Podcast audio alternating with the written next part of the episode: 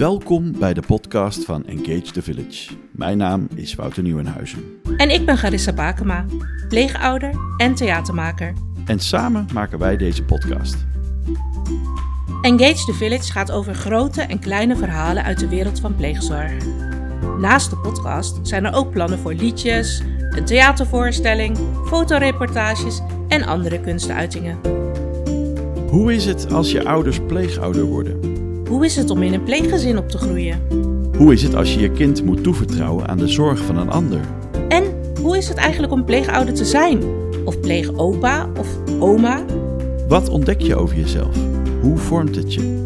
Wij verzamelen verhalen van veerkracht en hoop en maken er onder andere deze podcast van.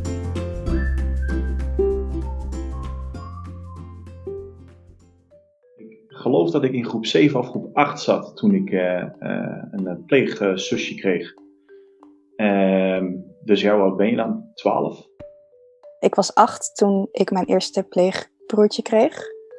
Um, we waren toen een crisisgezin en ik vond het eigenlijk heel erg leuk. Vooral omdat het een grote droom was van mijn ouders. Maar wel spannend natuurlijk. Het was allemaal nieuw.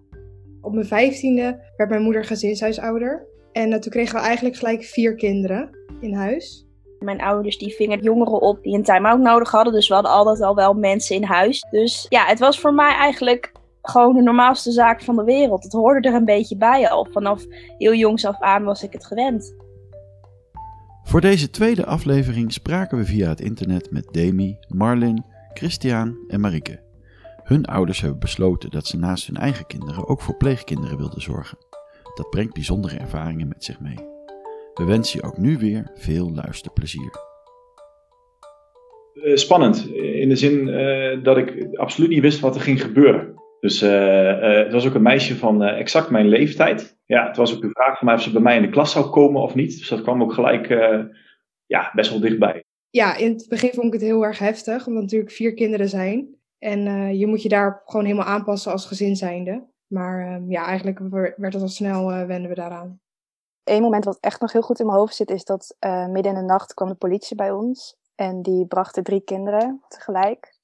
Uh, dat waren broertjes en zusjes van elkaar. En ze zeiden tegen ons dat het één meisje was en twee jongetjes. Of ja, één meisje en twee jongetjes. En um, de politie was helemaal overstuur. Die moest een half uur bijkomen bij ons, omdat ze net die kinderen uit een crisissituatie hadden gehaald. En ze wisten niet wat ze overkwam, dus ze moesten echt even van de schrik bijkomen. En uh, de volgende ochtend bij het verschonen van de luier kwamen we erachter dat het meisje een jongetje was ook.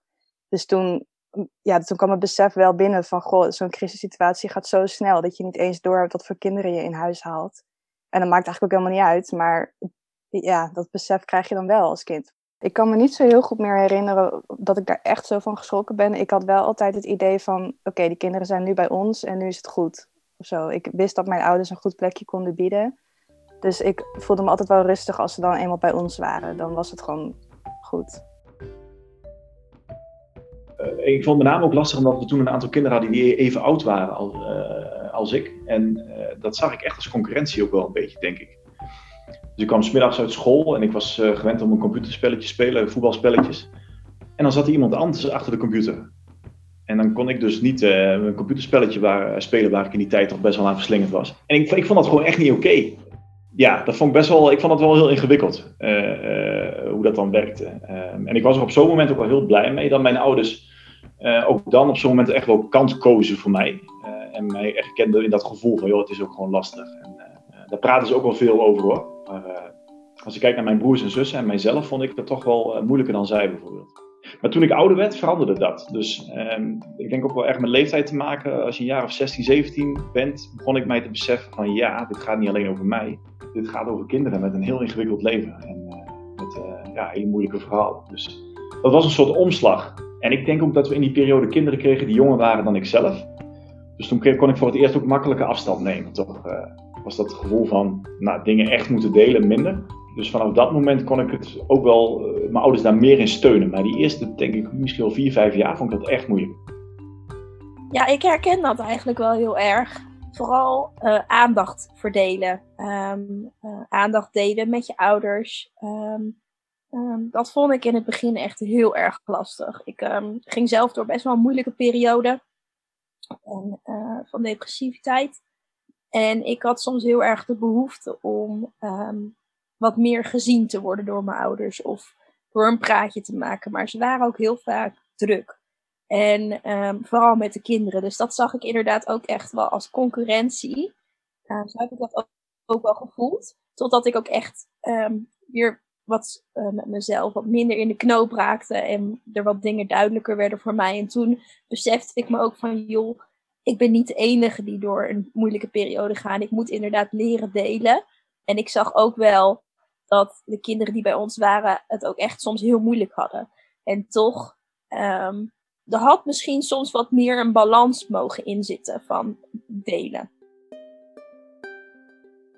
Afgelopen zomer toen uh, is mijn vakantie naar Brazilië niet doorgegaan. En uh, toen was ik dus weer eens bij mijn moeder thuis. En uh, toen zei ik tegen een van de kinderen van... ja, ik wil echt graag op vakantie deze zomer. Dat is een jongen van 17. En die zei toen... nou, dan gaan we toch samen op vakantie. Dus toen dacht ik, ja, waarom niet eigenlijk? En mijn moeder die zei ook van... Ja, jullie kunnen toch gewoon gaan, waarom niet? jullie werken allebei en ja, als je er tijd voor hebt. En toen kwam, kwam op het idee dat mijn eigen zus zeg maar ook meeging. En uh, toen ging een van de andere jongens ook mee. Dus ze zijn met z'n vier daarheen gegaan. En dat was ook een van de eerste keren dat een van de jongens voor het eerst ging vliegen. Dus dat was ook wel een bijzonder moment om mee te maken. En mijn moeder is toen ook met twee kinderen daarheen gegaan in de buurt op vakantie. Want ze kon ons niet alleen daar naartoe laten. Dat durfde ze nog niet aan. Nou, ik vind het best wel bijzonder. Kijk, een van de jongens met wie ik dan was, die ken ik al vanaf het begin. Dus uh, vanaf mijn vijftiende, die was de eerste zeg maar, die bij ons kwam. waren drie broertjes toen. Uh, maar ik vind het gewoon wel bijzonder dat je... Ja, ik had, ik had aan de ene kant wel verwacht dat het echt als mijn broertjes zouden gaan voelen. Maar ja, ik weet niet, het is toch heel anders natuurlijk. Maar dat we gewoon op vakantie gingen en dat hun dat ook leuk vinden, dat is gewoon wel een leuk moment. Want ja, hun kunnen natuurlijk niet heel erg makkelijk hun emoties uit of over gevoelens praten. En uh, je merkt wel echt dat ze het fijn vinden als je dan met ze bent en dat je tijd met ze doorbrengt. En dat we dan zoveel plezier hadden in Griekenland. Uh, ja, dat merk je gewoon aan ze. En dat is dan ook fijn voor jezelf natuurlijk. Dat geeft je ook gewoon een goed gevoel. Ja, ik ben ook boos geweest op mijn ouders, maar vooral op de kinderen eigenlijk.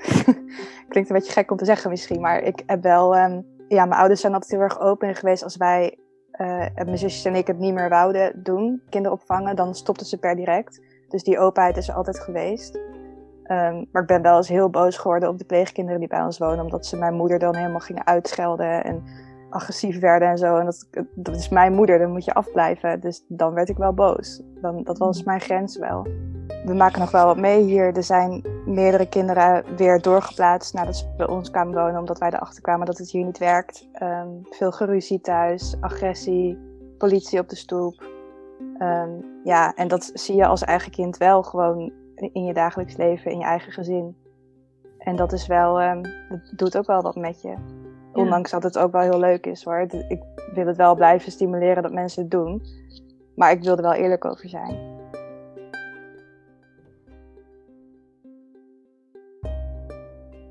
Wat ik heel erg moeilijk vond in het begin is om me echt te hechten aan de kinderen.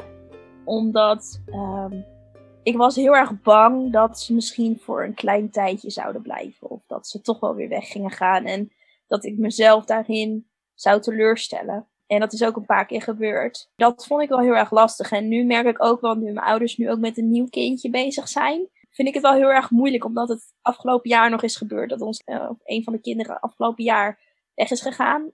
Dat, dat ik het wel lastig vind om nu te denken van, ja joh, ik ga me niet nu helemaal hechten aan zo'n kindje of zo. Ik, ik zorg wel dat ik wat afstand hou. En toch zit het ook weer niet in mijn aard om een kind heel erg op afstand te houden. Want ik ben gewoon een mensenmens. En ik, ik, ik kan dat ook ergens niet gewoon of zo.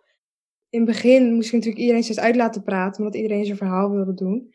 Maar ik denk dat ik daardoor heel erg heb meegekregen tijdens het samenwerken. Voor een uh, project op school bijvoorbeeld. Dat ik ook iedereen laat uitpraten. En ik stel heel vaak de controlevraag van... Uh, ben je tevreden zo? Vind je dat een ander meer moet doen? En dat iedereen gewoon tevreden is, zeg maar. Maar ik denk dat ik dat heel erg heb meegekregen vanuit uh, huis. Omdat iedereen natuurlijk door elkaar heen ging praten. En uh, daar moest ik me dan op aanpassen. En ik denk dat ik dat nu met samenwerken dan uh, ja, me daar weer op aanpas, zeg maar. Ik heb wel heel erg geleerd hoe sterk ik eigenlijk ben. Ik was vroeger heel onzeker, een stil meisje. En nu heb ik wel geleerd dat ik meer aan kan dan ik had verwacht. Ik denk het allerbelangrijkste wat het mij gebracht heeft, um, is dat ik eigenlijk toen ik 12 was en de allereerste keer al als het meisje dat bij ons thuis kwam, had al best wel een heftig levensverhaal. Die had echt dingen meegemaakt die ik helemaal niet bedacht had dat die gebeurden in deze wereld toen ik 12 was, zeg maar. En door, uh, ja, door pleegbroertjes, pleegzusjes heb ik een uh, veel breder beeld gekregen op de wereld, denk ik. Op, en op alles wat er gaande is achter voordeuren en ja, wat er kan gebeuren. En dat, dat, dat, uh, ja, daar ben ik eigenlijk ook wel dankbaar voor. Um, wij werken wel heel erg met dat de basis uh, ons gezin is. Dus alles wordt gedaan vanuit hoe wij als gezins leven. En dat um, leven proberen we mee te geven met de kinderen die nu bij ons wonen. En als je vanuit dat perspectief werkt, dan lukt heel veel wel. Want dan, ja, natuurlijk maak je hele vervelende dingen mee en hele pijnlijke momenten. Maar als je het met z'n allen deelt als gezin, dan lukt dat vaak wel. Of zo. Het, gaat soms ook een beetje vanzelf. Want je staat er met z'n allen voor klaar. En de kinderen kunnen het gezin gebruiken om op terug te vallen als het even niet zo goed gaat. Ik zou het altijd opnieuw het, precies hetzelfde gekozen hebben, omdat het is zo'n verrijking um, voor je gezin, maar ook voor jezelf. Um, als je ziet dat kinderen die bijvoorbeeld binnenkomen helemaal angstig, niet uh, durven vertrouwen, uh, heel erg beschadigd zijn. En dat je dan met de jaren ook steeds meer ziet veranderen en ziet opbloeien naar een prachtige persoonlijkheid. Um, dat, je, je doet het niet alleen om iets goeds te doen voor een ander, maar het doet jezelf ook goed. En het is misschien wel een soort van een levensstijl. Je kiest er ook echt wel bewust voor. In deze instantie hebben mijn ouders er echt voor gekozen. Uh, maar ik zie wel echt dat het zijn vruchten afwerkt, ook in mijn leven.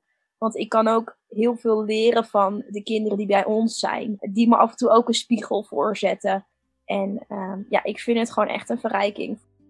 Ik zou het heel tof vinden als er steeds meer, nog meer gezinshuizen of uh, uh, mensen ervoor zouden kiezen om dit beroep uh, te doen. want er zijn zoveel kinderen die een veilig thuis nodig hebben. We beseffen soms misschien niet allemaal even goed hoeveel kinderen er zijn die nog geen veilig thuis hebben.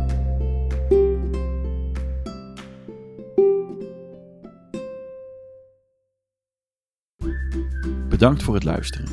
Aan deze aflevering werkten mee Sanne, Demi, Marlin, Christian, Marieke en Tabita van Doorn.